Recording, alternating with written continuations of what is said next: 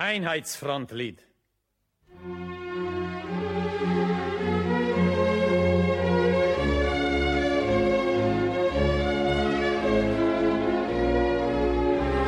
Und weil der Mensch ein Mensch ist, drum braucht er was zum Essen, bitte sehr.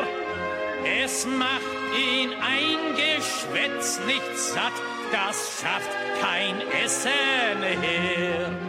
Rum, links, zwei, drei, rum, links, zwei, drei, wo dein Platz genossen ist.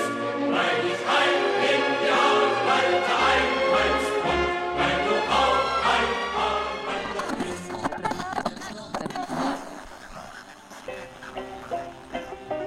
Du lytter til Radioaktiv, hele Venstrefløjens podcastkanal. Vi bringer de nyeste nyheder fra klassekampen, dybtegående interviews, nørdede analyser og knivskarpe debatter. Hvis du kan lide, hvad du hører, så husk at følge os på SoundCloud eller din podcast-app, og du kan også smide et like på vores Facebook-side. Så læn dig tilbage, knap bukserne op og nyd en varm kop Rød Radio. Ja, men øh, det her det er så øh, endnu en gang, er vi øh, tilbage øh, 1. maj. Øh, vi var også ude sidste år, og vi starter igen i år. I år bliver det bedre vejr end sidste år, tror jeg. Øh, men, øh, men Jonas, hvad har, hvad har du lavet indtil videre i dag?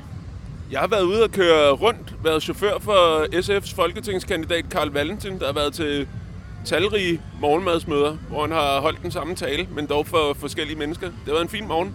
Jeg har været ude og køre lidt bil. Professionel chauffør. Ja, hvad?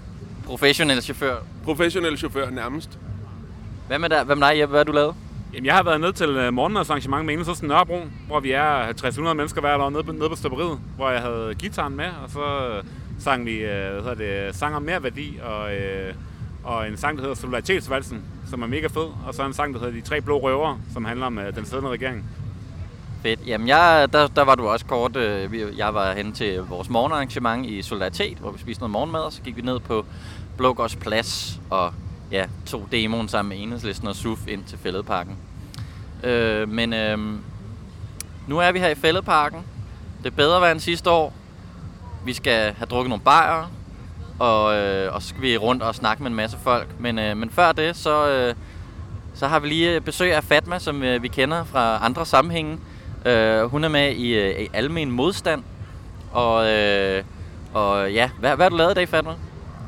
Jamen, jeg, har, jeg er lige kommet hjemmefra, til, og så har jeg lige holdt en tale til Rød 1. maj.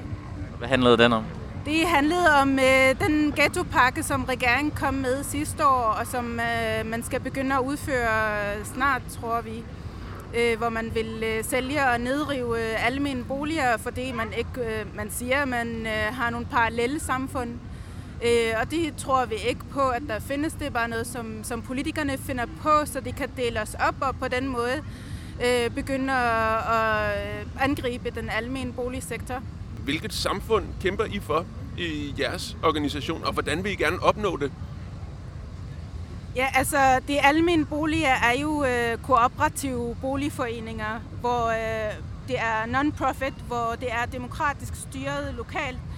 Øh, der, det er desværre ikke perfekt demokratisk. Der, vi har nogle problemer med nogen, der sidder i toppen af boligorganisationerne, der ikke rigtig repræsenterer beboernes, øh, beboernes interesser. Men det vi kæmper for, det er at gøre den mere demokratiske og, og stoppe det her angreb på beboerdemokratiet og stoppe angrebet på det almindelige boliger og på øh, folks ret til at, til at blive boende i deres hjem og, og have et trygt hjem og gode boligforhold uden at blive diskrimineret, fordi det tilhører nogle øh, sådan bestemte etniske øh, grupper, eller fordi de ikke har job, eller fordi de ikke har tjener nok penge, eller fordi der er nogen i deres familie, der har begået noget kriminalitet. Øh, så vi vil gerne have et samfund, hvor der er plads til alle, hvor, der, hvor alle kan have et godt sted at bo, som de har råd til, men også et sted, hvor man kan styre sit boligområde demokratisk øh, og lokalt. Så det er beboerne, der, der, der bestemmer over deres eget la- nabolag, og ikke øh, politikere. Og heller ikke øh, folk i toppen af boligorganisationer, som har fuldstændig mistet kontakten til de almindelige beboere. Hvordan, øh, hvordan tænker du, at vi skal komme tættere på, øh, ja, på et bedre øh, boligmarked? Hvordan skal vi vinde den her kamp?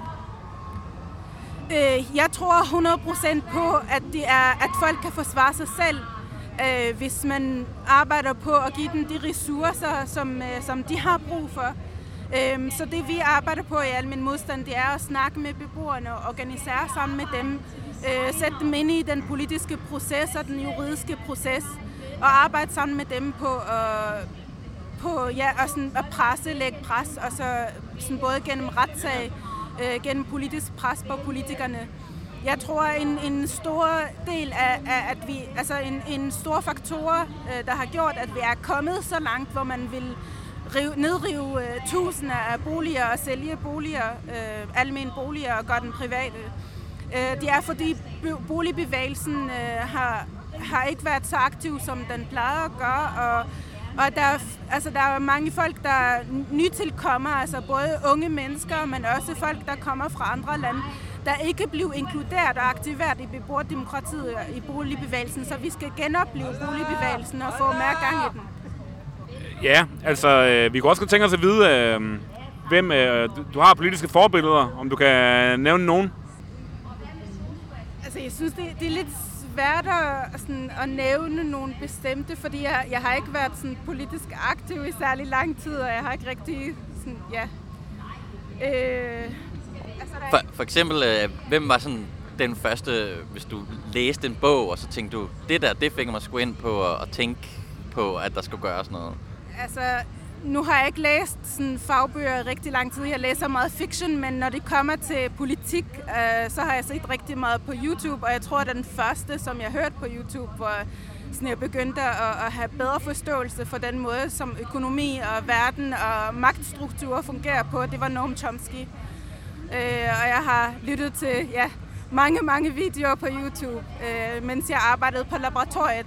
Sådan tæt herpå faktisk øh, i... Øh, øh, Niels Bohr Instituttet. Øh, ja, så, så det, det er nok den person, som jeg vil nævne, som virkelig har forandret den måde, jeg, jeg tænker på. Og også det, hans, hans fokus på bevægelser og, det, og almindelige mennesker og, og den styrke, som almindelige mennesker kan have, når de begynder at snakke sammen og arbejde sammen. Det er noget, som virkelig har gjort stor indflydelse på mig. Øhm, vi har også et, et spørgsmål, der sådan kommer lidt mere ind på det historiske, men som mange på venstrefløjen forholder sig til. Og det er øh, den russiske revolution. Øh, hvornår gik det galt med den russiske revolution? Gik det overhovedet galt? Eller skulle den overhovedet have været der? Uha, altså... her kommer min uvidenhed frem. Øh, jeg er ikke særlig... Øh, jeg, er ikke særlig, jeg har ikke så meget viden om, om det historiske, men, men altså sådan, jeg, jeg vil nok give et lidt overfladisk øh, svar og sige, at det gik galt, da man ødelagte sovjetterne, altså arbejder, øh, øh, hvad, hvad kalder det, arbejderrådene, øh, og, og fjernede den, den, altså, øh, den proces, hvor, hvor arbejderne begyndte at styre sig selv og styre deres egne arbejdspladser og styre deres øh, lokale øh, samfund øh, og gik mod centralisering. Øh, det, det er der, hvor jeg vil sige, men, men du skal ikke presse mig mere, fordi jeg har så meget viden, historisk viden øh, har jeg ikke. Jeg synes, det... Jeg, jeg er naturvidenskaber, så... Jeg synes, det var et øh, bedre svar, end hvad jeg forventer, vi får fra mange andre i løbet af i dag. Men øh, det hænger jo også meget godt sammen med, med kampen for et demokratisk almen boligmarked, at man, giver, at man lægger magten ud blandt dem, der rent faktisk bliver ramt af den. Jeg vil også våge at påstå, at jeg egentlig er ret enig i det svar. Men øh, tak fordi du vil være med, Fatma. Selv tak, og tak for, fordi I vil gerne have mig med. Ja. Held og lykke med kampen øh, i Almen Modstand. Mega fedt. Jeg vil opfordre alle til at gå ind på Almen Modstands Facebook-side og like det og følge med i, hvad der sker. Der sker rigtig meget i København lige nu. Uh, altså Bovita, som er den boligorganisation, uh, som Møllnerparken hører under, er gået på angreb på beboerne. Uh, øh, så vi kæmper meget hårdt lige nu, og vi kan næsten ikke følge med. Så gå ind og støtte om vores kamp. Det er en god opfordring herfra.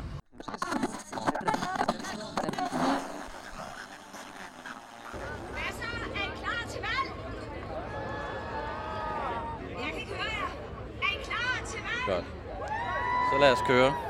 Nå, vi er gået øh, over til Socialdemokraterne nu, og vi skal have fat i en socialdemokrat.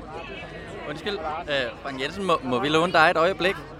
Øh, vi kommer fra en podcastkanal, der hedder Radioaktiv, Ja. Øh, vi har et par spørgsmål. Øh, nu er det jo 1. maj i dag, og så plejer vi at rundt og spørge en masse forskellige politikere. Øh, hvordan, øh, hvordan, ser, hvordan ser det gode samfund ud? Altså, vi er helt oppe på den høje hest her. Ja, det er jo et samfund, der tager et ansvar over for det allervigtigste, nemlig klimaet. Øh, vi lever i øjeblikket på kollision med verdens klima, og øh, jeg er helt enig med mange af de børn og unge, der i øjeblikket stiller krav til deres politikere om at tage handling nu. Fordi det er jo børn og unge, der kommer til at mærke forandringerne af klimaet sådan for alvor. Og det er også derfor, at jeg som øh, Københavns overborgmester er jo dybt engageret og involveret i, at, at vores by skal være et grønt fyrtårn og vise, at man godt kan finde løsninger på de klimaudfordringer, så vi kan leve op til Paris-aftalen, og vi kan holde klodens opvarmning under de halvanden procent, som er aftalt i Paris. Hvordan, øh, hvordan, øh, hvis man ligesom skal sige, hvilken strategi skal vi forfølge som venstrefløj for at, at kunne opnå vores mål? Jeg tror, det er helt afgørende, at venstrefløjen samlet tager de store spørgsmål, som optager, som er drivkraften i øjeblikket blandt rigtig mange børn og unge. Og det er klimaet. Og øh, det er selvfølgelig også social sammenhængskraft.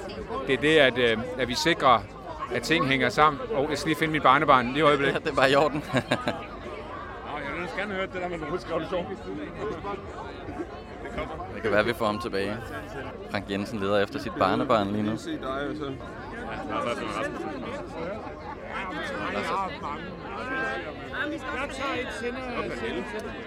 er Øh, Lars, må, må vi stille dig nogle spørgsmål? Ja, hvad er det fra? Øh, vi kommer fra en uh, podcastkanal, der hedder Radioaktiv. Ja, ja. Øh, øh, vi er sådan set uh, lidt rundt her i Fældeparken ja. i dag og spørger forskellige folk om sådan lidt de store spørgsmål. Ja, ja. Øh, tænk, hvis du, uh, hvis du kunne formulere sådan, hvad, hvad er det gode samfund? Hvor er det egentlig, vi vil hen?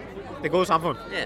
Ja, altså jeg, jeg synes, det er meget vigtigt, øh, at, at vi får et samfund, hvor der er mere lighed, øh, hvor vi, vi bor sammen og, og går i skole sammen. Det er noget af det, som jeg synes øh, er vigtigt. Især sådan set selvfølgelig fra et københavnerperspektiv. Det er jo her, jeg, jeg, jeg bor og valgt. Hvordan tænker du så sådan strategisk, hvordan skal vi derhen? Er det, skal vi have nogle bevægelser? Er det mere noget politisk arbejde? Eller hvordan, hvordan får vi den udvikling, vi gerne have? Altså, jeg tror ikke, vi, vi som politikere kan ikke gøre det hele, så det, på den måde er det vigtigt også at have nogle bevægelser med. Øh, altså, nu snakker jeg om skole, skolebestyrelser og boligforeninger og sådan noget, ikke, som kan, kan lave noget sammen øh, og finde ud af, hvordan man får en, en by især, som er, som er så blandet som muligt, hvor folk har råd til at bo i. Hvis man sådan skulle, øh, det er så også noget, vi lige runder med folk, øh, hvad er sådan dit, øh, dit politiske idol, eller øh, er der sådan en bestemt øh, person, som aktiverer dig politisk? Ja, det, jeg tror, altså nu er jeg jo... Altså jeg kan huske Svend Augen, for jeg var sådan ret, ret lille dengang med, med Poul Nyrup. Uh, jeg tror, at øh, jeg sad også holdt med ham dengang, så, så selvfølgelig har han fyldt noget, uh, når han talte og sådan noget, ikke? men der har været mange, altså helt tilbage til, jamen Olaf Palme kan jeg huske, uh, altså nogle af de der store, som jeg har læst om senere, uh, men det er klart, at jeg, jeg kan huske, at Svend Augen var formand for Socialdemokratiet. Så nu er det jo 1. maj. Øh, så, kommer omkring så, så, på venstrefløjen. Så, ja, vi, vi, det her, de her spørgsmål, det, det, den tager vi hele vejen rundt. Nu start, vi startede her ved Socialdemokraterne, så og kører vi ud efter. Øh, så vi har også et meget vigtigt spørgsmål, og det er, øh, hvornår øh, gik oktoberrevolutionen galt, hvis den gik galt? Nej, men altså, det er, jeg er ikke sådan helt, øh, jeg er faktisk historielærer, men det, det er på folkeskoleniveau. Så, så jeg er ikke sådan helt inde i det hele, men, men man kan sige, at jeg kan sige, selve tanken om, at der var meget uretfærdighed i Rusland, det var der jo tydeligvis. Det, det, øh, det var vigtigt at gøre op med, og, og feudalt samfund og sådan noget, men, men det går galt i det øjeblik, vil jeg sige, at, at man ikke øh, laver et almindeligt demokrati, hvor, hvor alle kan, kan komme til ord. Uh, hvornår det præcis sker, det er jeg selvfølgelig tvivl om, men det er ret hurtigt efter. Tak skal du have. Så tak. Hvor meget nåede vi herfra? Men vi nåede de to første spørgsmål, men vi fik de to gode. Ja, vel, øh, i hvert fald måske vores på nuværende tidspunkt højst rangerende rent politisk interviewoffer, vi har haft i Vand under broen regi. Det skam ikke noget at få dem til at svare på, når det gik galt i 1917. Det ville jeg virkelig gerne have hørt fra overborgmesteren. Ja, det vil jeg virkelig også gerne have hørt altså, svaret på. Vi kommer rigtig godt fra land, og nu har vi fået tre fadøl også. Ja. Så lad os prøve over til SF og se, om vi kan finde nogen derovre. Ja, lad os gøre det. Nu er deres formand også ved at være færdig med at snakke. Han er, kommer tilbage. Jeg kan jo ikke, jeg kan jo ikke, nu har, jeg står stadigvæk med mit dåseøl. Jeg kan jo ikke både holde dåseølen, mikrofonen Ej, og fadølen. Så må du have dåsen. Ja, det gør jeg lige så.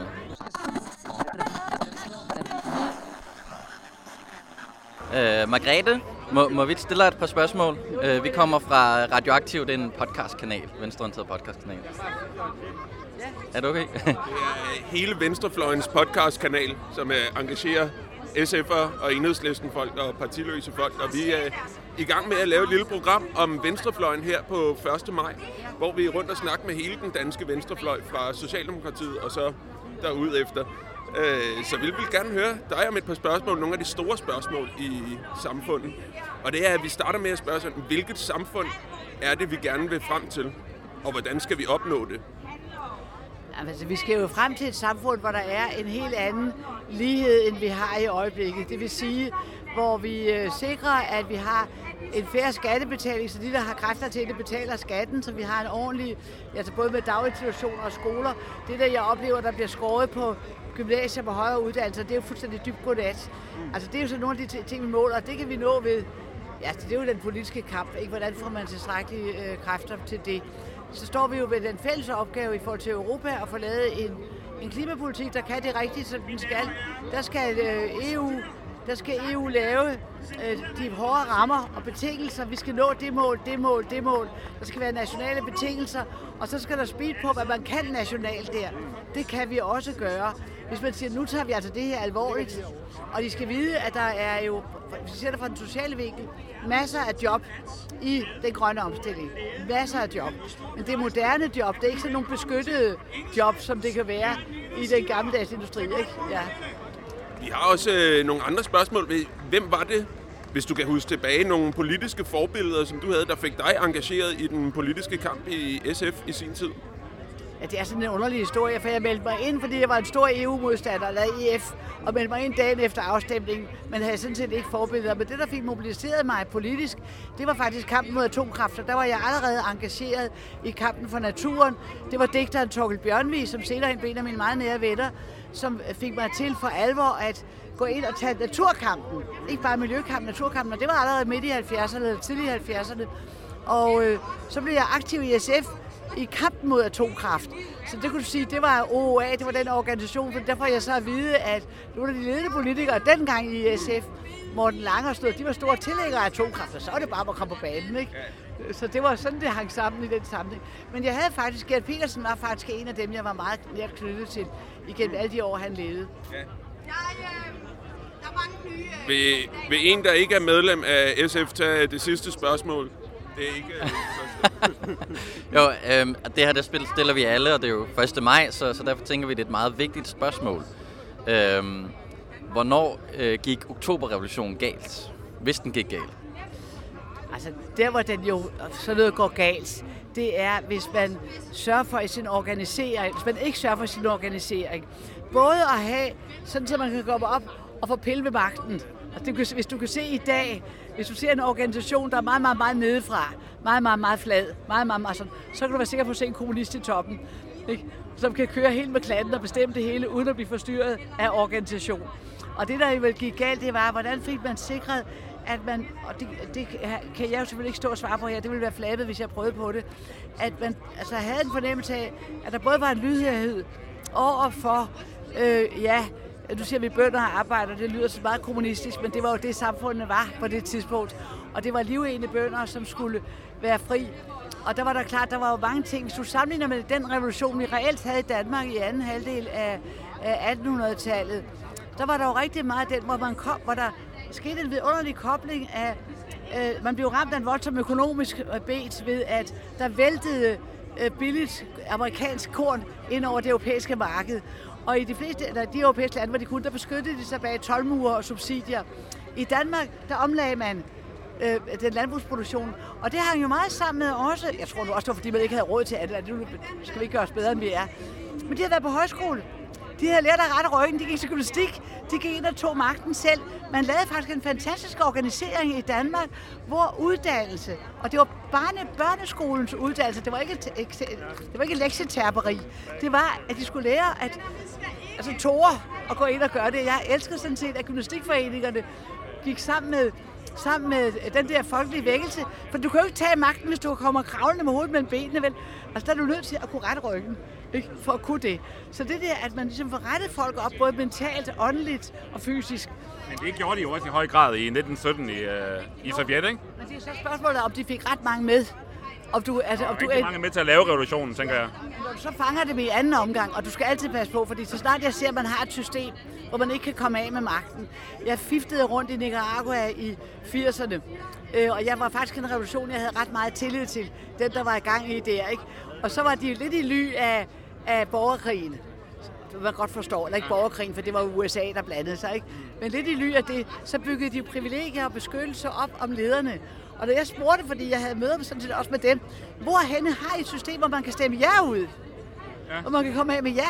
Og så så de forarvet på mig, for de var jo i krig. Men vi kunne se, hvad der var, der skete der. Ikke? Mm. Fordi så begynder man at bygge privilegier op omkring sig selv. Og det er noget, vi kan se rigtig mange steder. At hvis man først begynder på det, ikke, så er det, det går galt. Mm. Og derfor er det en hver god revolutionsopgave at sørge for, at lederne ikke får privilegier, og man sørger for, at man har organisation, så man hele tiden, man kan godt blive ved at genvælge en leder, hvis de bare holder sig uden for det der system, hvor de begynder pludselig at beskytte sig selv, som vi kan se. Mm. Det er altså en meget klassisk en, ja, som vi kan finde så mange steder. Ikke? Ja, ja. Tak fordi du ja. deltager. Tak for det.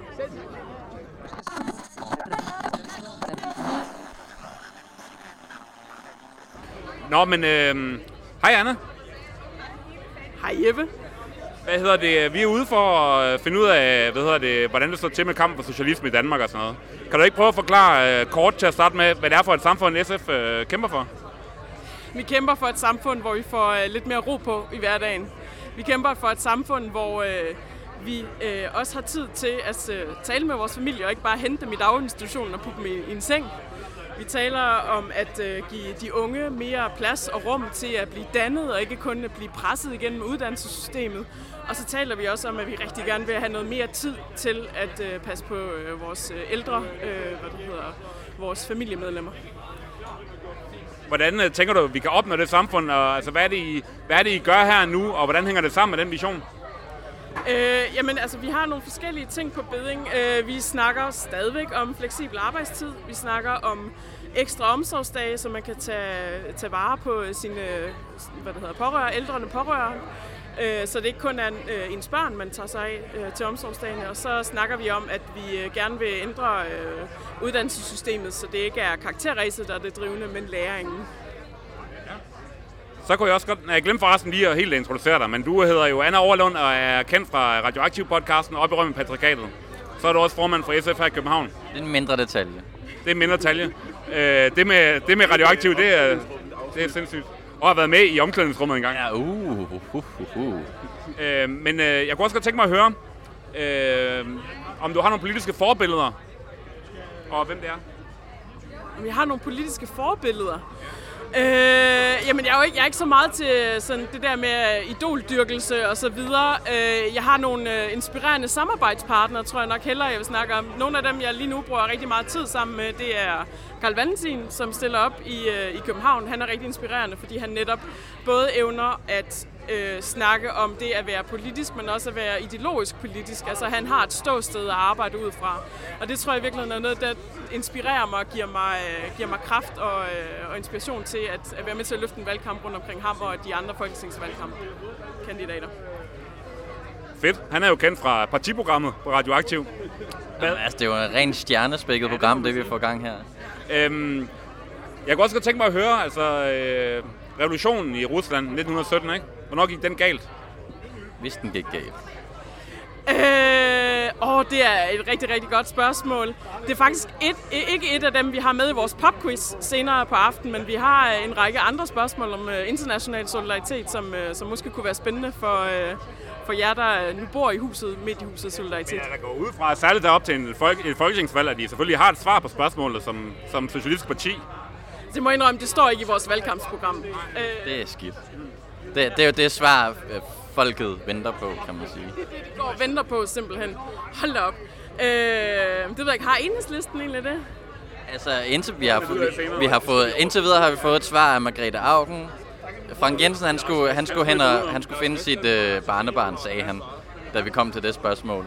Øh, ja, Fatma og hvad Lars Lars øh, Aslan Rasmussen, han havde også svar på det, så vi forventer et svar. Jamen, øh, det må vi læse lidt op på, så. Det kan jeg godt mærke. Kan det blive en anden dag? Det er mere, øh, det er mere den kommunale øh, hvad det hedder, nære virkelighed, jeg, jeg arbejder med i det daglige. Øh, så, øh, så jeg går mere op i, hvordan pasningsgarantien øh, den, den bliver passet, øh, end, øh, end de store. Så kender man SF igen. Ja, det er meget klassisk, meget klassisk. Det der nære politiske arbejde der, det kedelige robrødsarbejde. Lad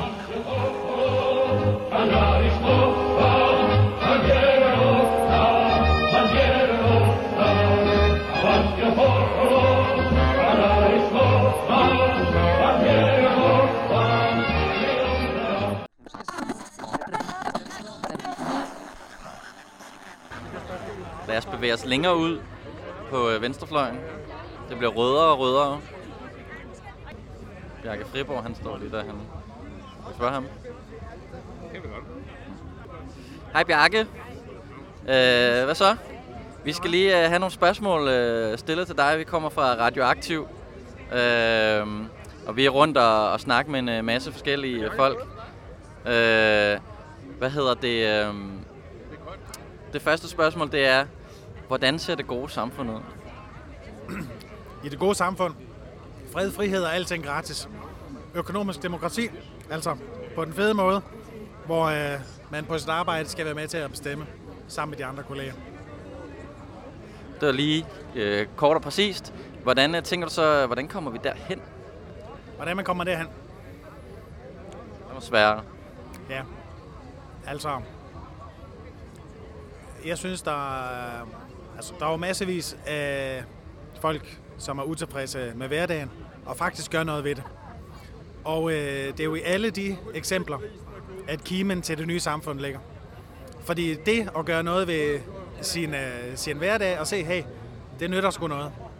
Det er noget andet end at vente på politikerne og næste valg og stemme, og så går der fire år, og så har man nogle elendige politikere, og i hvert fald et, øh, et rådent flertal i, øh, i Folketinget.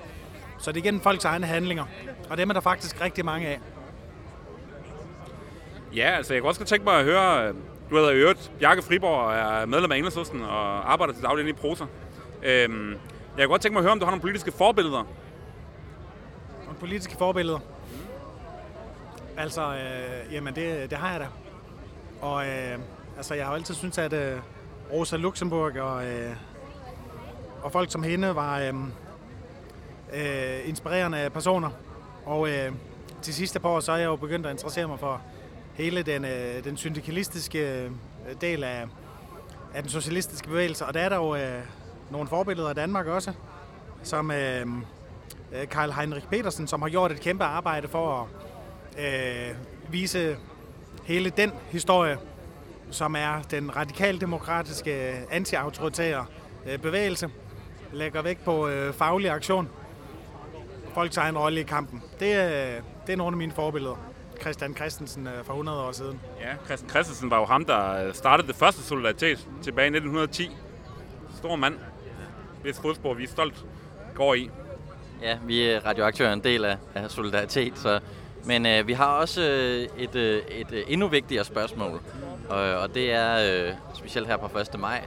Øh, hvornår gik oktoberrevolutionen galt, hvis den gik galt? Altså, øh, det gjorde den jo faktisk øh, i og med. ja, altså, selve oktoberrevolutionen var jo problematisk. Fordi øh, det er rigtig nok, at de, øh, de socialrevolutionære gik sammen med øh, bolsjevikerne om at, øh, at lukke regeringen og overtage øh, staten i Rusland og skabe en ny stat samtidig. Men i det fokus ensidigt blev på Øh, staten og på øh, centralisering, så begyndte ting at, at gå af sporet. Fra februarrevolutionen til oktoberrevolutionen, så var der for eksempel en kæmpe bevægelse på arbejdspladserne. Fabriksråd. Øh, mange af de gamle direktører, øh, økonomichefer og andre øh, stak af, eller havde bare ikke magten på, øh, på arbejdet længere. Og i den situation bliver der oprettet arbejderråd, fabriksråd, som simpelthen begynder at øh, finde ud af, hey, det er sådan her, vi, vi skal styre. De gamle kan ikke styre længere, de vil ikke styre længere, og vi vil i hvert fald ikke finde os i den måde, de styrede på før. Nu må vi selv tage magten. Kæmpe bevægelser, som har begyndt at organisere sig på tværs af, af Rusland. Og den fejrer den nye regering øh, med Lenin i spidsen til siden til fordel for øh, central planlægning. Og øh, så altså faktisk nogle af, den aller, af de allerførste handlinger, som øh, øh, den nye øh, bolshevik og socialrevolutionære regering står for, de peger i den rigtige eller peger i den forkerte retning. Og det bliver det, det eskalerer sig bare fra marts april øh, næste år, hvor øh, anarkister og syndikalister bliver sat i fængsel osv. osv. Så den gik allerede galt i 1918? Nej, det begyndte jo faktisk allerede øh, med ting, som øh, Lenin og bolsjevikerne stod for med oktoberrevolutionen. Og derfor vil jeg også stille spørgsmålstegn ved, jamen, i hvilken grad giver det mening at kalde oktober for en revolution, når nu det faktisk var øh, et partis overtagelse af, af magten i en revolutionær situation. Altså, sådan set så øh, sporede de jo revolutionen over i bestemte baner. Der er også øh, det er en, en meget detaljeret gennemgang, vi får i forhold til nogle af de andre. Det er også, fordi du har skrevet en artikel, som faktisk øh, er den lagt op på vores hjemmeside på Solidaritet. Eller, der, ja, så I kan faktisk finde artiklen inde på solidaritet.dk. Tak, øh, Bjarke. Solidaritet leve. Hvor står han? Med listen et eller andet sted. Vi har mistet Jonas, men han er henne hos enhedslisten. Altså, han er jo høj, så man burde kunne se ham. Er det nogle øh, potentielle medlemmer, der står her? Ja, det er øh, medlemmer. Det er medlemmer, de har været medlemmer med, gennem, øh, siden at vi overhovedet startede. Er det sådan noget moonshine, I har gang i, der I drikker? Eller hvad? Det er 1. maj drik. 1. maj drik. Ja, det bliver sat over øh, i den der øh, måned i maj, og så står den et helt år og venter på, at det bliver 1. maj igen. Mm. Er det hyldebær? Nej, det er der ikke i. Nå, den er meget sød. Og ikke særlig stærk. Men det, det er jordbærne, tror jeg. Jordbær. Det var lidt om øh, 1. maj drikken. Ja, jeg vil da godt smage. Øh, ja, ja tak. Det. Okay. Øh, vi har øh, et øh, lytterspørgsmål fra øh, Tamara Rønbak. Jeg vil bare gerne vide, Janus Rønbak, øh, hvad der skal til for at være en øh, god storebror. Øh, det vigtigste, det er at øh, hærde sine mindre søskende. Øh, og det gør man gennem øh, hård afstraffelse. Øh, fordi verden er brutal, vi lever i et kapitalistisk samfund, og øh, det er ikke rart. Så hvis, hvis de, skal, de mindre søskende skal overleve, så øh, skal de gennemgå benhård træning hjemmefra. Michael Foss. Hej. Hej. Må vi spørge dig om noget til en podcast? Fordi vi er, lige, Ja. vi er lige blevet enige om, at når man fraregner de falske trotskister på Niels Skipper og Søren Søndergaard, så er du faktisk Danmarks højst pla- placerede trotskist på en eller anden måde. Du sidder i enhedslistens forretningsudvalg. Ja, det er en meget magtfuld position, ja. Og vi er ude i dagens anledning øh, for at finde ud af, øh, altså, hvor kampen for socialisme står i dag. Øh, hvad er det for et samfund, som, som du kæmper for? Jeg kæmper for et samfund, hvor, øh, hvor det er øh, befolkningen, der har magten over alle dele af samfundet. Øh, ikke mindst den store forandring i, i det samfund, jeg kæmper for, det er, at vi også har magten over økonomien og arbejdspladserne og produktionen. Så vi, for, og det er ikke fordi det i sig selv måske er så meget, men det er forudsætningen for at løse klimaproblemer, velfærdsproblemer øh, og alle mulige andre sociale problemer, det er, at vi ikke overlader magten til et marked og til nogle få rige. Den ene procent, som man siger der. Men hvordan tager vi så hvordan tager vi magten over produktionsmidlerne? Det, det starter med, at vi bliver bedre til at organisere os på græsrodsniveau. Øh, fordi den magtovertagelse, som ingen rigtig ved, hvordan vil se ud i dag. Vi ved, hvordan sådan en så ud for 100 år siden. Jeg vil ikke sige, at jeg ved, hvordan den vil se ud. Men det, der vil være grund, den eneste holdbare måde at gøre det på, den eneste effektive måde, det er, at almindelige mennesker organiserer sig omkring de ting, de slås for, sådan så, så det er almindelige mennesker, der overtager magten, og ikke bare et statsapparat. Så det er ikke gennem den etablerede fagbevægelse? Det er ikke igennem fagbevægelsen, som vi kender det i dag, men det kan godt være gennem en revolutioneret fagbevægelse, en demokratiseret fagbevægelse, en aktiveret fagbevægelse, øh, en mere kæmpende fagbevægelse. Og det vil jeg slet ikke udelukke, at man kan lave denne her om til. Men det er ikke, som den ser ud i dag. Så, så er du måske ude i sådan noget klassisk, øh, altså Sovjet, altså arbejderråd. Jamen igen, det der var pointen i Arbejderrådet, det var, at folk organiserede sig omkring deres arbejdsplads eller omkring den sag, de kæmpede for.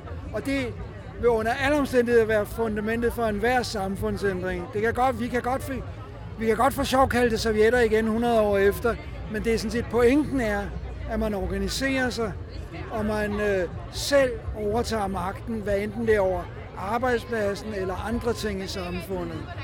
Så på den måde har det, mange, har det ligheder. Inspiration fra dengang, det blev kaldt sovjetter. Så selvom du sidder i det magtfulde forretningsudvalg i Enhedslisten, så der tror du faktisk ikke på, at øh, man kan lave socialisme gennem øh, Folketinget?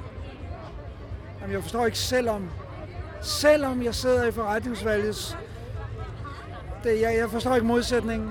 Jeg kan også bare øh, forkort det at sige, du tror ikke på, at man kan lave socialisme gennem Folketinget?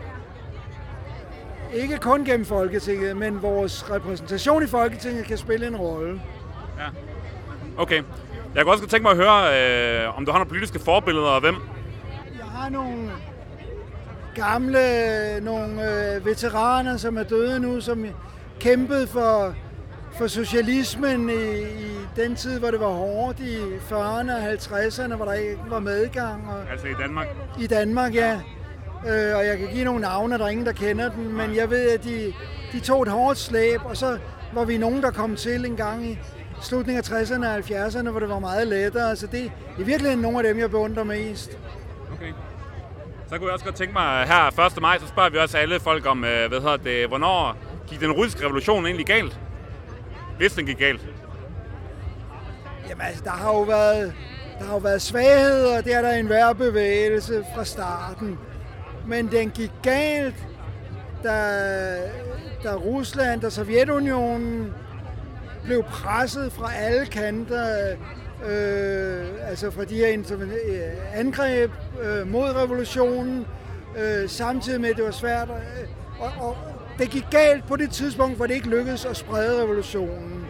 Fordi der var ikke nogen af de oprindelige revolutionære ledere, der troede, at man kunne fastholde et socialistisk øh, samfund i fremdrift i Rusland, hvis ikke den bredte sig. Og, og hvis man skal pege på én ting, alene, så var det det, at det ikke lykkedes at brede den til Tyskland og andre dele i Europa. Og så blev det en uendelig svær opgave. Det kan godt være, man kunne have gjort det anderledes, selv under de svære omsætninger. Men, men det, at revolutionen blev isoleret, det var det, der, der fik den til at gå galt. Så det var oppe i, op i 20'erne engang? Man skulle bruge tidsfester? Ja, altså, man stod jo over for intervention udefra, allerede fra, nærmest fra dagen efter revolutionen. Ikke? Øh, men, men der, hvor man Ja, det, altså der hvor man, hvis man skulle sætte en skillelinje, hvor, hvor, hvor det blev næsten umuligt at, at få en sund socialistisk udvikling i gang, så var det der. Men, Men det betyder ikke, at der ikke blev lavet fejl før det tidspunkt. Nå, okay. Men du tror stadigvæk på en revolution her i, i fremtiden også?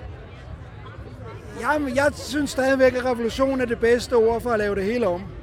Ja. Øh, så i den forstand, ja. Kan vi få en, kan vi få en dato for revolutionen, ligesom Per Clausen?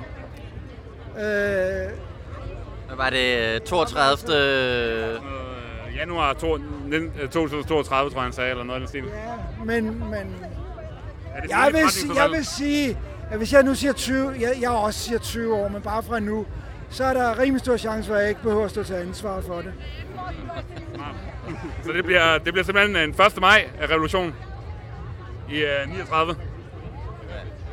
Jeg vil sige, at uh, at jeg synes ikke, for mig er 1. maj ikke en stor politisk begivenhed længere. Det er en festdag, hvor man møder folk. Altså, øh, det, vi havde nogle meget politiske 1. maj demonstrationer i 70'erne og 80'erne, men, men, men det har ikke nogen politisk betydning mere. Men, men fest Hvis man skal tage magten, ting. så er 1. maj jo en god dag at gøre det på en eller anden måde. Der er vi jo samlet i forvejen. Det er rigtigt, men øh, er vi nu også det altid? Altså? Nej, nej, nej. Og, jeg, og, jeg, og så meget tror jeg ikke, vi kan styre det. Jeg, jeg elsker at styre ting, men så meget kan vi ikke styre det. Tak, Michael. Ja, tak. tak. Okay, så lad os spørge Rune. Hej Rune. Øh, Rune, må vi lige, øh, Rune Lund, må vi stille dig et par spørgsmål? Yes. Øh, du har haft æren af tidligere at været med i Radioaktiv. Nu får du æren øh, endnu en gang. Øh, vi er rundt og snakker med alle mulige øh, politikere og folk fra forskellige grupperinger på venstrefløjen. Øh, og det første spørgsmål, det vil høre, hvad er det gode samfund? Hvad det gode samfund er? Det er et samfund, hvor der er plads til os alle sammen, og vi har hver især mulighed for at, for at udfolde vores individuelle potentiale maksimalt. Hvordan kommer vi derhen? Jamen, det gør vi ved at have et stærkt fællesskab, hvor vi sikrer os, at, øh, at vi hjælper hinanden. Fordi hvis man bare står der alene med sig selv, så, øh, så er det jo bare ikke altid, man kan. Og så har man brug for en hjælpende hånd eller nogle andre, der træder til. Og så andre gange, så, det, så har man noget ekstra overskud, og så kan man hjælpe de andre. Og øh, sådan skal vores samfund også være. Har du øh, et politisk idol eller en bevægelse, som ligesom har aktiveret dig? Det har jeg ikke øh, rigtigt. Jeg, læ- jeg, har læst, jeg har ikke læst så mange biografier, men jeg har læst uh, Mandelas Vej til frihed. Der må jeg sige, at han, uh, han offrede rigtig meget. Og holdt hovedet koldt og humøret højt alligevel. Og hjernen skarp. Det synes jeg, det var, det var, det var virkelig en præstation. At han ikke blev bitter, men han sådan set beholdt et, et meget stort klarsyn. Det synes jeg var stort. Så, så, hvis, øh, så, så ham kan man godt lære lidt af, synes jeg. Øh, Rune, øh, hvornår gik øh, 1917-revolutionen galt i Rusland? Det er det store spørgsmål her i dag. Det var Trotsky, den forbryder, som, som var en masse morder, der, der ikke der forrådte revolutionen. Så, nej, det ved jeg sgu ikke. tak for svaret. Goddag. Det havde jeg ikke regnet med. Meget klart svar. Ja, det var, det var klart øh, tydeligt, Nogen, klart nogen svar. tro, det var øh, overklassen af kontrarevolutionen, men i virkeligheden var det Trotsky, der, der forpurrede det hele. Jamen, det, det er godt at få det på plads. Jeg synes, at vi skal... Nu kan jeg se, at Jacob Nerup står op på scenen og råber, så lad os, øh, lad os komme et, øh, et mere stille sted hen i, i, i det mere øh, aftrærede hjørne af venstrefløjen, der hvor det er, virkelig bliver rødt. Så lad os gå derover. Ude på venstrefløjen. Ude på den sande venstrefløj. Skal længere ud. Længere ud, længere ud, længere ud. Vi går nu forbi øh, pølseboderne. Den livlige duft af 1. maj. Pølser og håndbajere.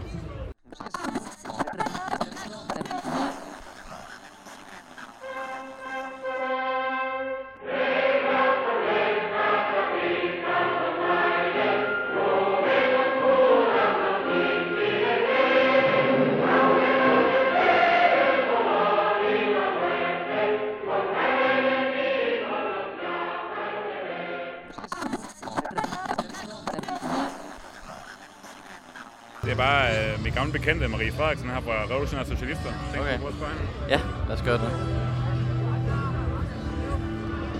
Marie, må vi øh, stille dig et spørgsmål til vores podcast? Fordi vi er på jagt, på jagt efter socialisten.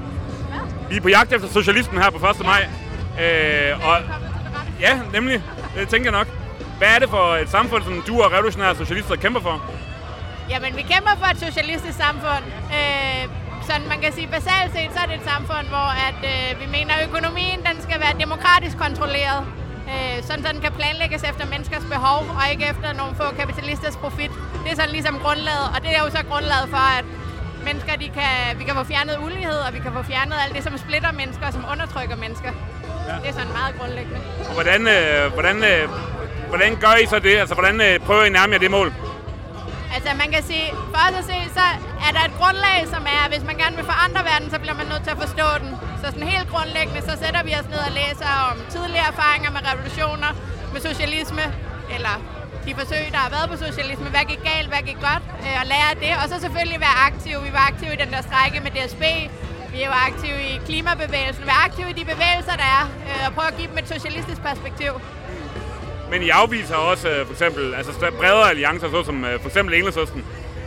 Nej, vi afviser ikke enhedslisten. Øh, men- vi er ikke med i enhedslisten. Nej, nej. Hvordan kan det være, øh, at I ikke går sammen med andre socialister? Altså man kan sige, vi afviser ikke, at vi på et tidspunkt vil være med i enhedslisten, eller hvis der kommer nogle andre ting, som Podemos eller Syriza eller så videre. Man kan sige, det som vi synes er det vigtige, det er at have en organisation, som er funderet på, på marxistisk teori. Ja. Øh, hvis, vi, hvis vi mente, at, at der var plads til det inde i enhedslisten, så kunne det sagtens være, at vi var med der.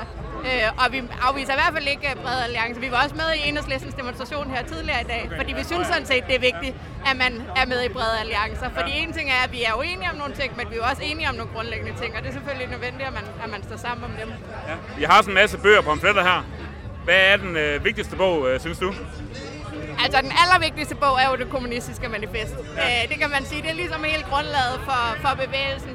Ja, der er mange, der tror, det er sådan lidt øh, meget gammeldags bog. Jeg vil sige, der er nogle ord, som man måske lige skal knække koden med, ikke?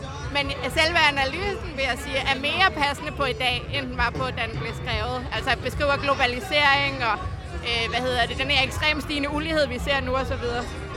Er det også uh, Marx, som er sådan uh, dit hvad skal man sige, politiske idol, eller er, det, er, det, no- er der også nogle andre?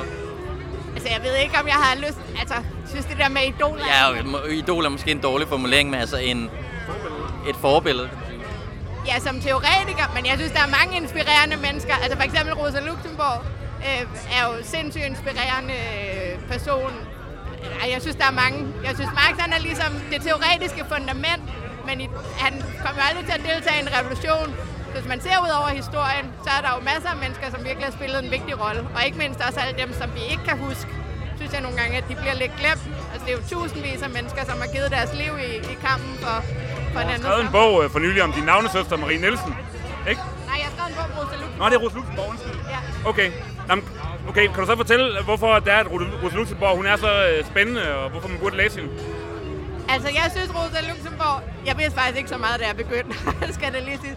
Men jeg synes, jeg synes, hun er mega sej på flere forskellige måder. Jeg tror sådan helt grundlæggende, så vil jeg sige, at hun holdt ligesom fast i det, hun troede på. Hvis man ser på rigtig mange øh, politikere på venstrefløjen gennem tiden, så bliver de ligesom øh, klogere med alderen øh, og opgiver sådan hele deres revolutionære holdninger. Og hun holdt fast til det sidste, og endte jo faktisk med at blive slået ihjel for at kæmpe for det, hun stod for. Øh, og holde fast i det her med, at ikke at tilpasse sig det bestående, men nødvendigheden er at ændre samfundet grundlæggende, og også at fastholde en optimisme og en tro på, at almindelige mennesker vil ændre samfundet. At det er ikke nogen ledere og teoretikere, men at det var almindelige mennesker, der ligesom ville bevæge sig og ændre samfundet. Du får også lige vores øh, sidste spørgsmål, som vi har rundet med alt fra Socialdemokrater til SF og Enhedslisten folk. Øh, hvornår gik oktoberrevolutionen galt, hvis den gik galt? Øh, altså selve revolutionen gik ikke galt. Øh, udviklingen i Sovjetunionen degenererede. Øh, det vil jeg sige, den gjorde... Altså det var lidt svært at sige præcis. Jeg, jeg mener jo, at, at det var ikke socialisme. Øh, og slet, det gik rigtig galt under Stalin. Man kan sige, at det, der gik galt i Rusland, det var, at revolutionen foregik i et ekstremt tilbagestående land, og den for eksempel ikke lykkedes i Tyskland. Øh, Rosa Luxemburg blev slået ihjel. Revolutionen led nederlag, så Rusland forblev isoleret. Og det lagde ligesom grundlaget for, at, at revolutionen degenererede, som den så gjorde under, under Stalin. Tak fordi du ville være med. Det var god første maj. Det var så revolutionære socialister. Øh, så hopper vi videre. Hej. Vi kommer fra Radioaktiv. Må vi stille nogle spørgsmål? Og vi bare lige forvente, vi står her med internationale socialister. Hvad, hvad, hvad du hedder? Jeg hedder Andreas Bøller. Der er et, øh, et samfund, vi ser for os ude i fremtiden, og øh, hvis I kan beskrive, hvordan det samfund er, og øh, hvordan vi kommer derhen i en øh, dansk kontekst i dag, så hvordan vi skal arbejde for at komme derhen. Først og fremmest skal vi jo af med den regering, der er nu. Ikke? Øh, det er sådan set opgave nummer et. Og det gør vi kun, hvis det er, at vi også kan præsentere noget, som er grundlæggende anderledes end Torning-regeringen. Altså, jeg tror, at det vigtigste lige nu, det er at undgå en Torning nummer to. Øh, og det gør man ved at have en bred diskussion øh, blandt øh, Enhedslisten, SF øh, og Socialdemokratiets bagland også, om hvordan det er, at vi kan øh, skabe en ny strategi, sætte nogle forskellige krav frem, øh, og også øh, tage en række af de her øh, besparelser og nedskæringer tilbage. Så det tror jeg er det første, inden vi sådan overhovedet begynder at tale om et, øh, et nyt samfund, kan man sige. Ikke? Det er det allerførste. Så skal vi høre, om øh, du har nogle politiske forbilleder, sådan som du, øh, eller nogle politiske bevægelser, der gjorde dig politisk aktiv i sin tid. Øh, jamen altså i sin tid, jeg var meget inspireret af den bolivariske revolution og Venezuela, øh, men øh, ikke som sådan som en eller anden personidol, men mere sådan i en bred forstand og mere den øh, bevægelse, der var blandt græsrødder, blandt øh, boligkvarterer, blandt fagforeninger. Så det er sådan nok, nok mit store politiske udgangspunkt der. Øh, man kan også lytte på Radioaktiv øh, til en øh, podcast, hvor øh, du har deltaget i, som netop handler om, øh, hvordan vi skal forholde os til det, der foregår i Venezuela og øh, Donald Trumps øh, forsøg på at intervenere. Øh, men øh, hvis jeg må stille det afsluttende spørgsmål, øh, så er det, som jeg stillede til mange andre, øh, hvornår gik den øh, russiske, hvornår gik øh, oktoberrevolutionen galt, hvis den gik galt? Den russiske revolution? Ja, oktoberrevolutionen. Hvornår gik, gik den galt, eller gik den ikke galt, eller hvornår gik den Det kan galt? også være den i februar. Øh, men revolutionen i Rusland i 1917 okay. og frem efter, hvornår øh, gik projektet i Sovjetunionen galt, hvis det gik galt? Ja, det gik galt. Men det gjorde det over en længere proces i 1920'erne. Øh, som sådan set starter, i virkeligheden starter det jo allerede i 1918 med borgerkrigen. Og de materielle, fordi så jeg er først og fremmest materialist, så jeg tror ikke, at folk laver nogle ting uafhængigt af de materielle vilkår, der er. Og Rusland efter øh, den her borgerkrig og under den her borgerkrig var et meget, meget svært sted at skabe socialisme, fordi arbejderklassen, som var det, der var socialismens projekt, kan man sige, den blev jo, øh, altså den eksisterede jo ikke efter 1919. Omkring 1919, der er al, hele arbejderklassen, hele industrien, den blev ødelagt. Og derfor skete der en gradvis proces, hvor at arbejderklassens deltagelse i revolutionen simpelthen bare gik nedad, og det skabte materielle baggrund sammen med isoleringen af Sovjetunionen. Øh, sådan så revolutionen den mislykkedes jo i, øh, i øh, Tyskland, øh, og det var det materielle grundlag, der gjorde, at der kunne fremvokse byråkrati, og så gik det galt i løbet af turene. Tak fordi du var med. Nå, hvem skal vi så have som næste offer? Skal vi tage dem? Okay, det gør vi. Hej, øh, jeg kommer fra Radioaktiv. Øh, og jeg vil høre, øh, om jeg får lov, må jeg stille et par spørgsmål? Det er meget langt, ikke? Ja, der er meget larm. Må jeg stille et par spørgsmål? Ja, ja. Ja, øh, ja vi står her med nordkoreanske venskabsforening. Hvad hedder du? Jeg hedder Anders. Jeg Hej, Anders. er formand for foreningen, venskabsforeningen mellem Danmark og Nordkorea. Ja. Øhm, jeg tror egentlig bare, jeg vil kaste mig ud der, og så stiller jeg spørgsmålet, øh, øh, hvordan ser det gode samfund ud? Det gode samfund, hvorhen øh, i det hele taget? et Ja, altså samfund, hvis, det- sådan rent utopisk. Altså, hvordan ser et godt samfund ud? Hvordan tænker du, hvor er det, vi skal hen? Et godt samfund, det er jo, hvor, hvor der er nogen, der tager ansvaret for, for klima, og der er også nogen, der tager ansvar for lighed og solidaritet. Det er sådan nogle nøgleord for mig, som de har i, i Korea, i Nordkorea. Det er det andet derfor, vi har sådan en forening, der, der dyrker venskab med, med, med, med det land, ikke? Så Hvordan, øh, hvordan kommer vi så derhen her i Danmark? Hvis vi skal også skal hen og være ligesom Nordkorea. hvordan det kommer... Den skal jeg lige have en gang til. H- Hvordan kommer vi her i Danmark hen til at kunne gøre det samme som i Nordkorea? Ja, det, det har jeg jo ikke svaret på, fordi det er jo, det er jo dem, der, der går ind for socialisme og ind for, for, for det solidariske samfund, der, der har svaret på det. Vi er jo ikke et parti her ved, i Venskabsforeningen, så det, det, det, det ligger jo de, strategier som, og politikker, som øh, venstrefløjen i Danmark de, de står for.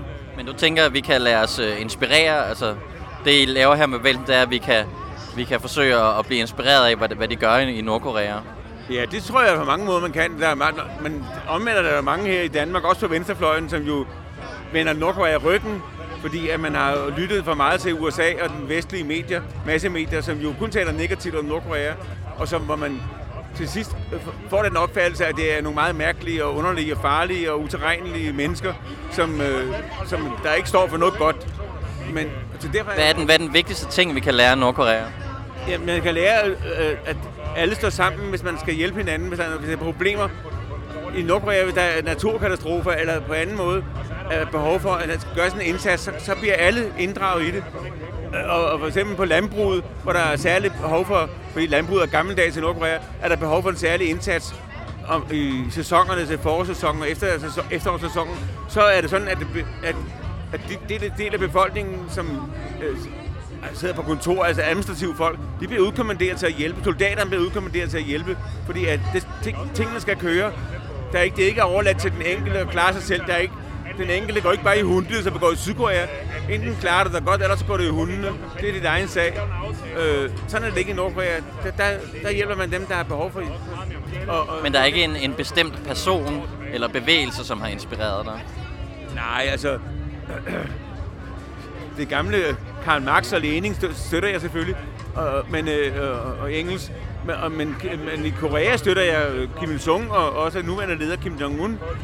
Fordi at de, de har på, det, på en god måde prøvet at, at veksle den teori om til, til socialisme efter koreansk, koreanske forhold.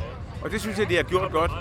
De, har stået, de, de er omringet af stormagter, som i mange år ikke har ville dem det godt og som nu øh, viser sig, at de går deres egen vej, og det har de, har de overlevet på.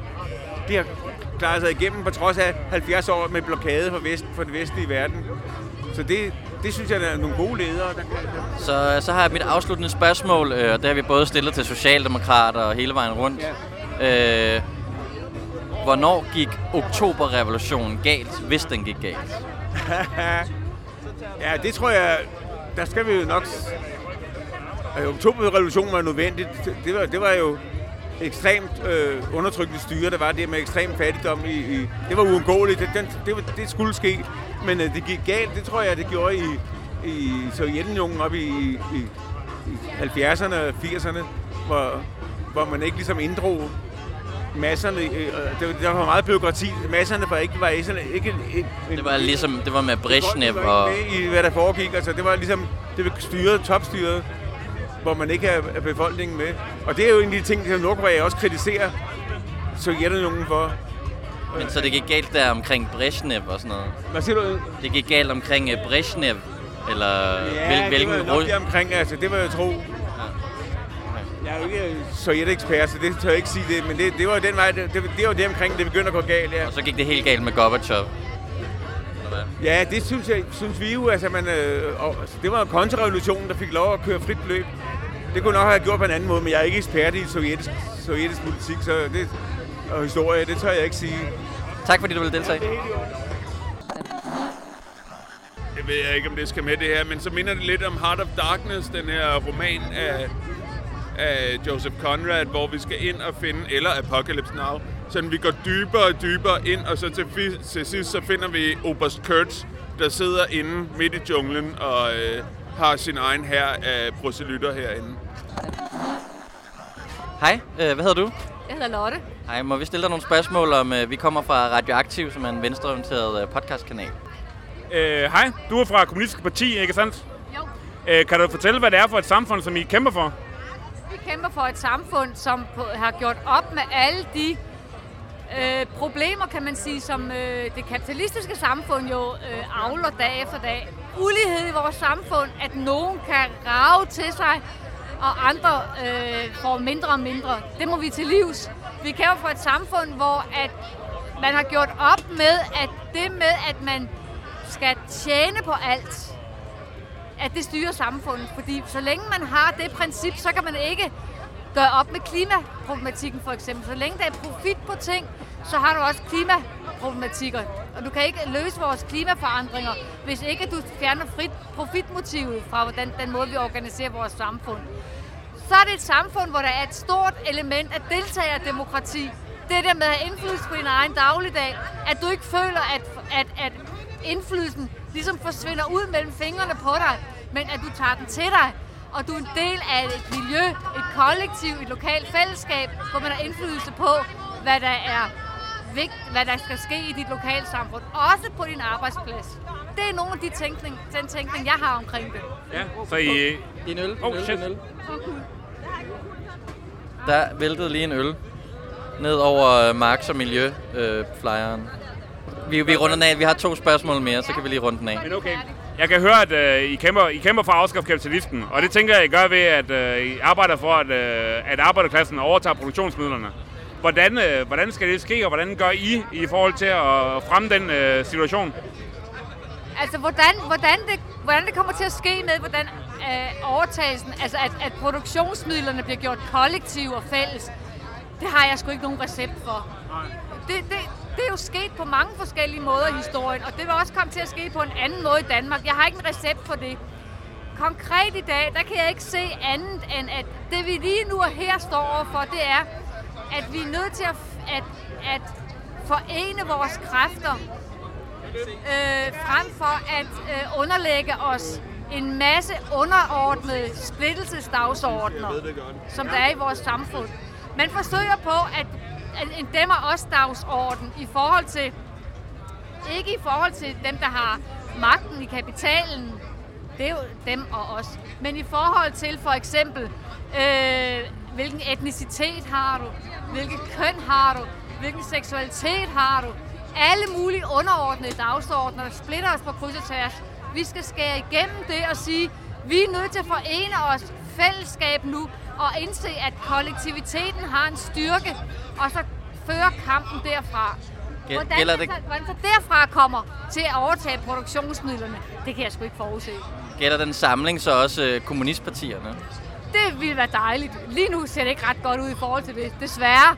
Men øh, Vi havde jo et forsøg her for nylig på at samle nogle af jer. altså, Kommunistisk Parti har haft den erklærede politik i lige siden det blev stiftet i 2006, at alle kommunister i Danmark burde være samlet i det samme parti.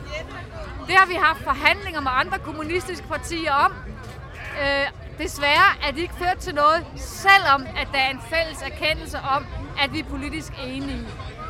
Det beklager vi som de første. Hvad med, øh, hvad med enhedslisten? Øh, det er jo også, de er jo også socialister i deres egen øh, selvforståelse. Men, men I har jo organiseret jer som et, et parti ved siden af. Hvordan kan det være? nu, nu, historisk kan man jo altid diskutere, hvem der, har, hvem der har organiseret sig ved siden af. Men lad nu den diskussion ligge.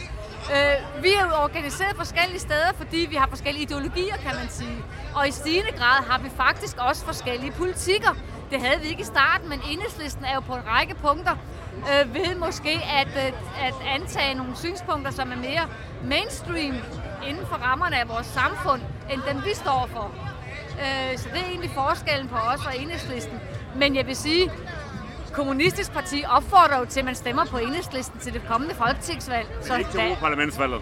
Nej, og det gør vi jo ikke, fordi at der opfordrer vi til at stemme på folkebevægelsen, fordi det er den eneste måde, at man kan være sikker på at stemme på, en, på nogle kandidater, som man ved går ind for, at Danmark skal ud af EU. Øh, jeg kan også godt tænke mig at høre, om du har nogle politiske forbilleder. Øh, hvem du vil fremhæve der? Eller nogle bevægelser, eller et eller andet, der har... Der, hvad var det, der gjorde, at, at du blev aktiv, for eksempel? Øh, jeg har det egentlig ikke så godt med forbilleder, den type der. Jeg har en masse forskellige mennesker og bevægelser og tænkere, som har inspireret mig gennem tiden. Øh, den, der måske igennem længst tid har betydet mest for mig, det er sgu Karl Marx. Ja, han er også... øh, Jeg tror, han er inspireret faktisk rigtig mange af de folk, der er herude i Fældeparken. Jeg da håbe. Ja. Det håber jeg. Øhm, et andet spørgsmål, som vi stiller her på 1. maj til øh, alle mulige, det er, hvornår gik øh, revolutionen i 1917 galt, hvis den gik galt? Se, øh, det er et pissegodt spørgsmål. Og øh, min holdning den er, at det kan du ikke sætte en bestemt dato på, eller en bestemt begivenhed på. Revolutionen i 1917 var den første af sin type, bortset fra Paris kommunen, som kun varede ganske få dage. Øh, jeg opfatter oktoberrevolutionen som et stort et eksperiment, hvis man kan sige det på den måde. Det første forsøg på, at arbejderklassen tager magten.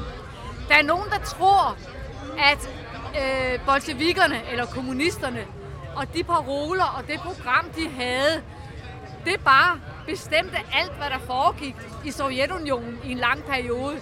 Nej, det der foregik i Sovjetunionen, det var en kæmpemæssig klassekamp. Og bolsjevikerne havde deres holdning og deres politik.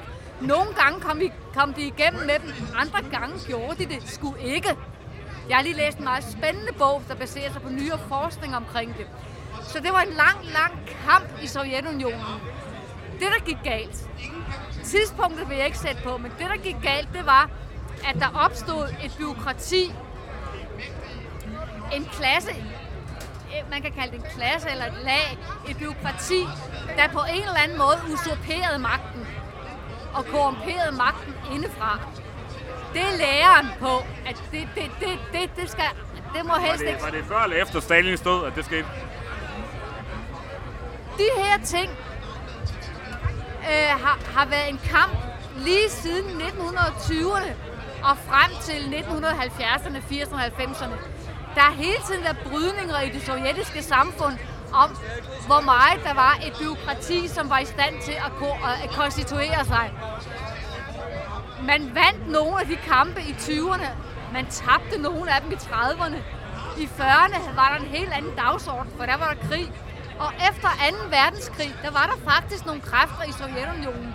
Blandt andet Stalins nummer to, der hed Stanov.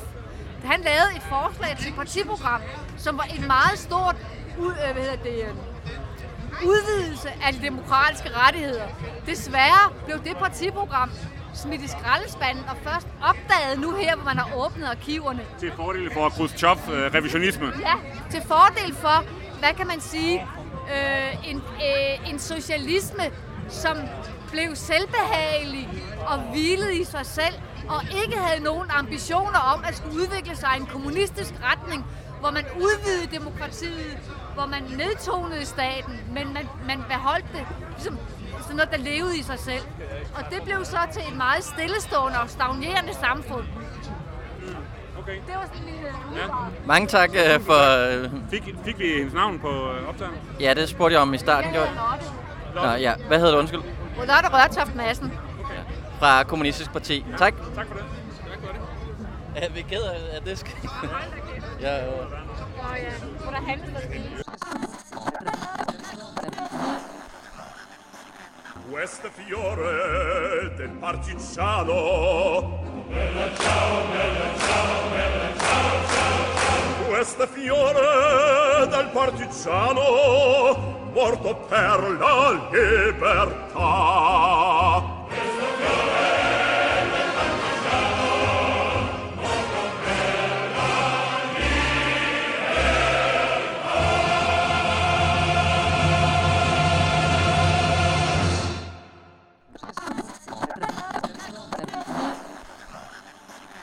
Nu rammer vi centrum af revolutionen. Vi er i omegnen af Tirana, og øh, vi skal ned og besøge Arbejderpartiet Kommunisterne. Vi har øh, tidligere haft, øh, øh, her for nylig faktisk, Dorte Greno, som er, er formanden for partiet i øh, Vand under broen, som også skal høres på Radioaktiv.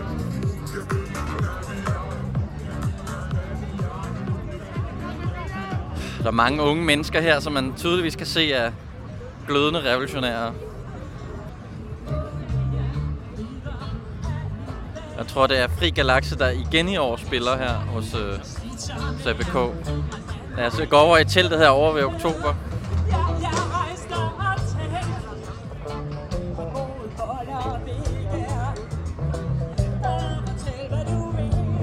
Hej Dorte. Hej Dorte. Vi er, vi er ude igen, og... Øh, jeg, kan desværre ikke lige... Vil du holde den, så kan jeg lige give hånden. Hej hej. Øh, måske kan vi bare spørge jer begge to. Øh, vi, vi er nu nede ved APK. Øh, ja, vi er, vi er lidt rundt og, øh, og snakke med øh, forskellige folk her. Vi har startet hos Socialdemokraterne, og, og, og nu er vi så her hos APK. Øh, det, det, er, det, det spørgsmål, jeg gerne vil, vil stille, det er, øh, hvordan ser det gode samfund ud? I får lov begge to at svare efter hinanden. Det gode samfund, øh, der har arbejderklassen magten. Øh, der er ikke nogen udbytning. Der er ikke nogen undertrykkelse. Der får, vi, der får mennesker lov at udvikle alle deres evner, alle deres talenter, fordi der er et fællesskab, og der er en mål og en retning, nemlig at gøre det bedst muligt for menneskene, for naturen, for fremtiden. Det var Dortes svar. Øh, hvad er det nu, du hedder? Jeg hedder Marie. Maria. Maria, hvad, hvad tænker du? Jamen, det gode samfund, det ser sådan ud, at det er et samfund, hvor der er et fremtid for mine børn. Hvor at, øh, jeg ikke bliver smadret, og hvor mine børn ikke bliver smadret, og hvor kloden ikke bliver smadret. øh, hvor der ikke er krig, og hvor, der, øh, hvor vi har øh, magten til at stoppe for de klimakatastrofer, der er, og øh, for den fattigdom, der er.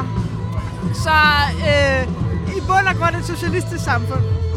Hvordan tænker du, vi kommer hen til det samfund? Jamen, der er vi nødt til at have en revolution. Øh, som Hvad, der- hvad, hvad vil det sige? Jamen, som det er nu, så er den herskende klasse, øh, de giver ikke magten fra sig bare sådan. Øh, de sidder tungt på den, og de holder fast i den, og de klamrer sig til den øh, med alle midler til rådighed. Og de har ret mange midler til rådighed. Så derfor er vi nødt til øh, med magt at sige, nu er det arbejderklassen, der bestemmer. Øh, nu er I ud. Farvel med jer. Øh, har I øh, et, et politisk idol, eller hvad skal man sige, en man ser op til, eller nogle bevægelser, I har lavet jer inspirere af? Altså nu er det jo 1. maj, Ja. og så kan man jo sige, at den kæmpende, revolutionære arbejderklasse verden over, det må være det største idol. Og det er det, vi har. Ja. Der er et øh, spørgsmål, vi stiller alle de bevægelser og partier, vi snakker med i dag, og det er, øh, hvornår gik oktoberrevolutionen galt? Hvis den gik galt, altså det kommunistiske eksperiment i Sovjetunionen. Altså, det gik jo endegyldigt galt, da Khrushchev lavede sit kup i, øh, i 52. Øhm, men der gik selvfølgelig en proces forud øh, med, hvad kan man sige, de fik gjort? for at gøre, ja, der gik det endegyldigt galt. For 2. verdenskrig, kunne man sige, slog jo en bremse i at afskaffe øh, al privat ejendomsret, Udviklingen af socialismen, man måtte koncentrere sig om at knække nazismen og vinde 2. verdenskrig. Og derefter var banen så til, at Khrushchev tog magten ved en kup. Ja. Jeg er enig, men jeg, jeg synes, at det er vigtigt at sige, at, at mordet på Stalin var virkelig en af de ting, der ændrede historiens gang, og det synes jeg, vi ser med mere og mere klarhed nu, når vi ser tilbage på det. At det var virkelig mordet på Stalin og Khrushchevs magtovertagelse, der ændrede øh, og, og betød, at der holdt op med socialisme i Sovjetunionen. Sagde du mordet på Stalin? Jeg sagde mordet på Stalin, ja. Kan du uddybe det?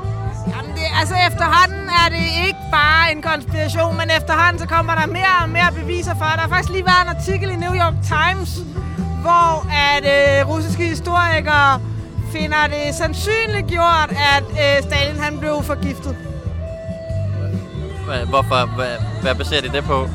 Jamen det baserer de jo på øh, forskellige undersøgelser og øh, ting og sager med, at, at hvor de har øh, undersøgt øh, Stalin og øh, hvad, jeg, jeg ved faktisk ikke, hvad de bygger det på, men i hvert fald er det nogle historikere, øh, som har skrevet i New York Times, at de har lavet nogle undersøgelser, hvor de mener, at han er faktisk blevet forgiftet med rottegift. Jamen, øh, med den øh, kommentar, så siger jeg mange tak, øh, fordi I vil deltage. Ja, lige måde.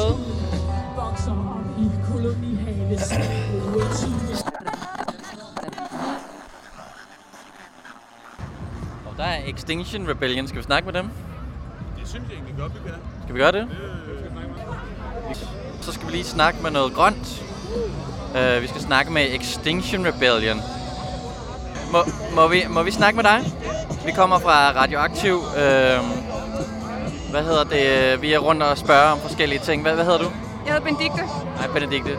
Uh, jeg vil gerne høre, um, hvordan ser det gode samfund ud? Øh, det gode samfund ser helt anderledes ud, end det vi har nu. Det ser ud sådan, at vi har meget mere øh, demokrati, øh, og vi har udledt vores øh, netto nul udledninger i 2025, øh, og at politikerne lytter. Seks år, så udleder vi ikke mere. Ja. Og at øh, politikerne lytter meget mere til borgerne, end de gør nu. Hvordan, uh, hvordan opnår vi det samfund? Øhm, det gør vi blandt andet ved at øh, skabe dialog med politikerne, men det har vi bare set ikke virker. Så derfor mener vi, at der skal civil ulydighed til, øh, og at vi er nødt til at bryde loven, fordi at det skaber virkelig en god effekt, og det har vi set i London og i Wales og i Skotland, hvor de har skabt et, øh, øh, hvor de har skabt, hvad hedder det, øh, undtagelsestilstand.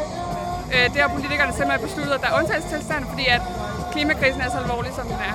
Forskerne har jo sagt, at altså, alle løsningerne er der forskerne har sagt det her i de sidste 30 år. Øh, det er bare, at vi lukker øjnene, og at folk øh, skal vågne lidt mere op, og at, at det her det er alvor.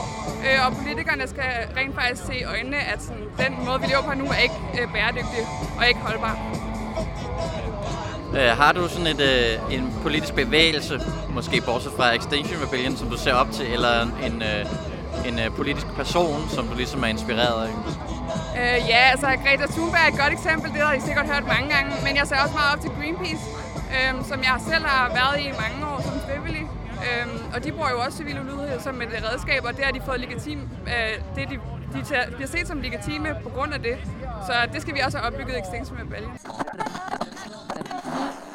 Må vi, må vi stille nogle spørgsmål? Øh, vi kommer fra Radioaktiv.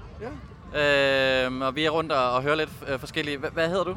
Jeg hedder Rasmus. Ja, du er formand for... Jeg er forpersonen i Lærerstuderendes Landskreds. Ja. ja. Super. Øhm, jamen, øh, vi er rundt og, og hører lidt forskellige ting om, omkring 1. maj, og, og hvordan man ligesom... Øh, hvordan man ser det gode samfund. Så det vil jeg høre, hvad er det gode samfund? Det gode samfund for mig er et samfund, hvor øh, alle ikke bare har en plads og en mulighed, men hvor alle har en ret. Hvordan får vi det samfund? Det får vi helt øh, grundlæggende ved, tror jeg, at vælge nogle øh, politikere, ved at drømme om, og ved at insistere på at talesætte et samfund, hvor øh, vi fokuserer på ret og ikke muligheder. Det tror jeg blandt andet, øh, det tror jeg blandt andet handler om, at man, når man snakker om Altså, det er noget med ikke at gå gå på kompromis med det, man tror på. Altså, så når vi, gerne, når vi synes, det er åndssvagt at spare på uddannelser, for eksempel, så skal vi ikke bare sige, at det bliver løst, som Lisette har sagt i dag, for eksempel. Det er jo rigtig positivt, hun har sagt, at man skal stoppe med at skære ned på uddannelsessystemet. Men det er åndssvagt, at man så ikke også siger, at der skal investeres. Altså, det er det der med, at vi skal lægge et led mere på. Alle har en mulighed for at tage en øh, gymnasiel uddannelse eller blive lærer i Danmark, men alle, eller, eller, man har retten til det, men man har ikke muligheden for det. Det er ligesom det, der er væsentligt. Øhm, så vil jeg høre, øhm, har du ligesom et, øh, skal man sige, en, øh, en bevægelse eller en person, som du er inspireret af, altså en politisk person? Øhm, jeg er ikke helt sikker, jeg kan ikke huske, hvad det er, hun hedder, men øh, jeg var over i undervisernes telt og høre øh, en tale fra hende, som har stået ned foran forlisen og lavet alle kampråbene. Hende, der er, jeg tror, hun er dommerfuldmægtig. Nina Palesa Bunde. Ja, ja. Nina Palesa Bunde.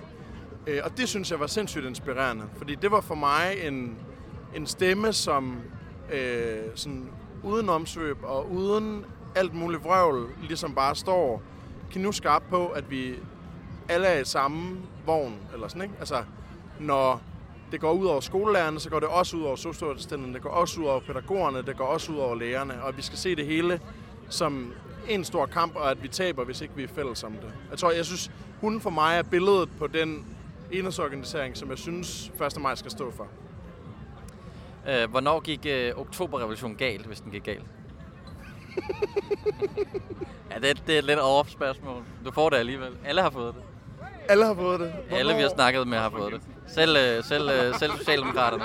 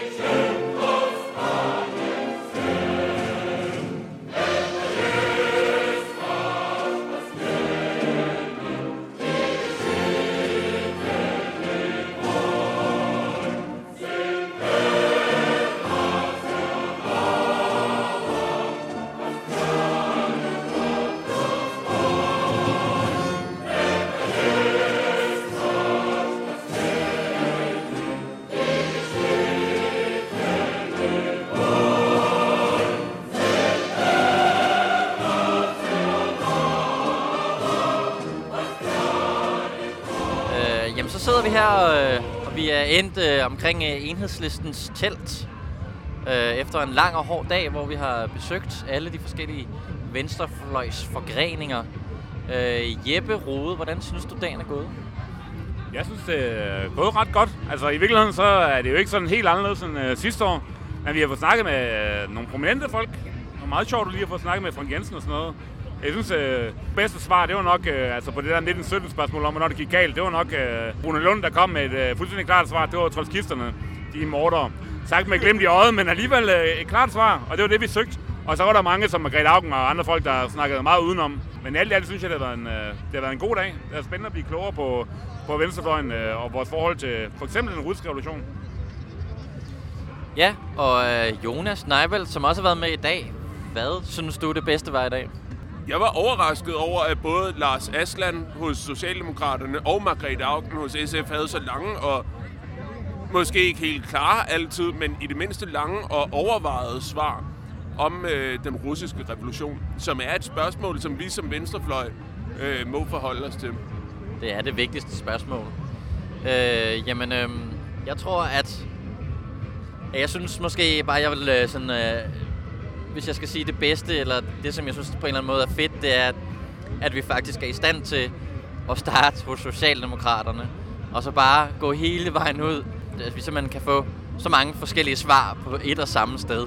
Altså, vi, det, det synes jeg er ret grinerne, at der stadig findes en dag, på trods af, hvor uendelig uenige mange er, at, øh, at der findes et sted, hvor man på en eller anden måde synes, man har et eller andet fælles udgangspunkt. Ja, det er sgu ret unikt, fordi at øh, egentlig så øh, kan det godt være svært at se det fælles politiske øh, projekt, men øh, der er vel også nogle historiske årsager til, at, øh, at vi alle sammen havner herude i Fældeparken 1. maj. Og det er lidt, det er lidt sjovt, at alle kan krybe og gå på venstrefløjen fra de mærkeligste maoistiske sektor til, øh, til øh, hvad hedder det, øh, den kommende statsminister så sandsynligvis øh, øh, mødes sådan, altså, i den samme park på den samme dag hvert år. For at drikke sig i hegnet. Øh, og det skal vi også nu. Vi skal have nogle bajer og nogle, øh, nogle pølser. Øh, så vi siger øh, farvel og tak. Mit navn er Janus Rønbak. Hej hej. Jonas Neivald, det har været en fornøjelse. Jeppe Rode, jeg skal over have en joint. Oh yeah.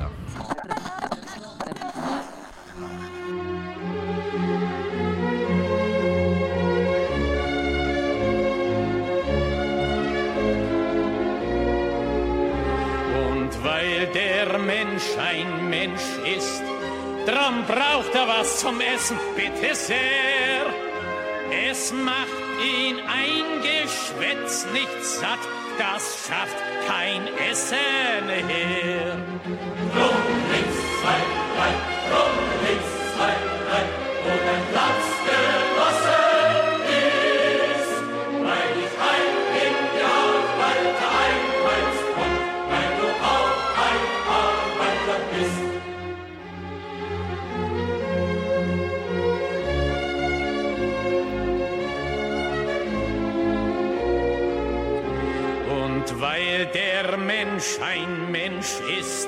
drum hat der Stiefel im Gesicht nicht gern. Er will unter sich keinen Sklaven sehen und über sich keinen Herrn. Rum, links, zwei, drei, rum, links, zwei, drei, wo dein Platz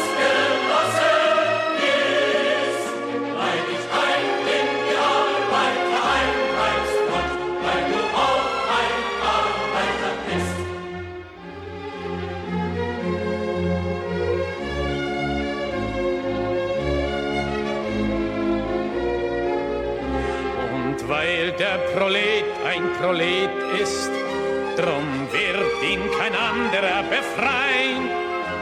Es kann die Befreiung der Arbeiter nur das Werk der Arbeiter sein.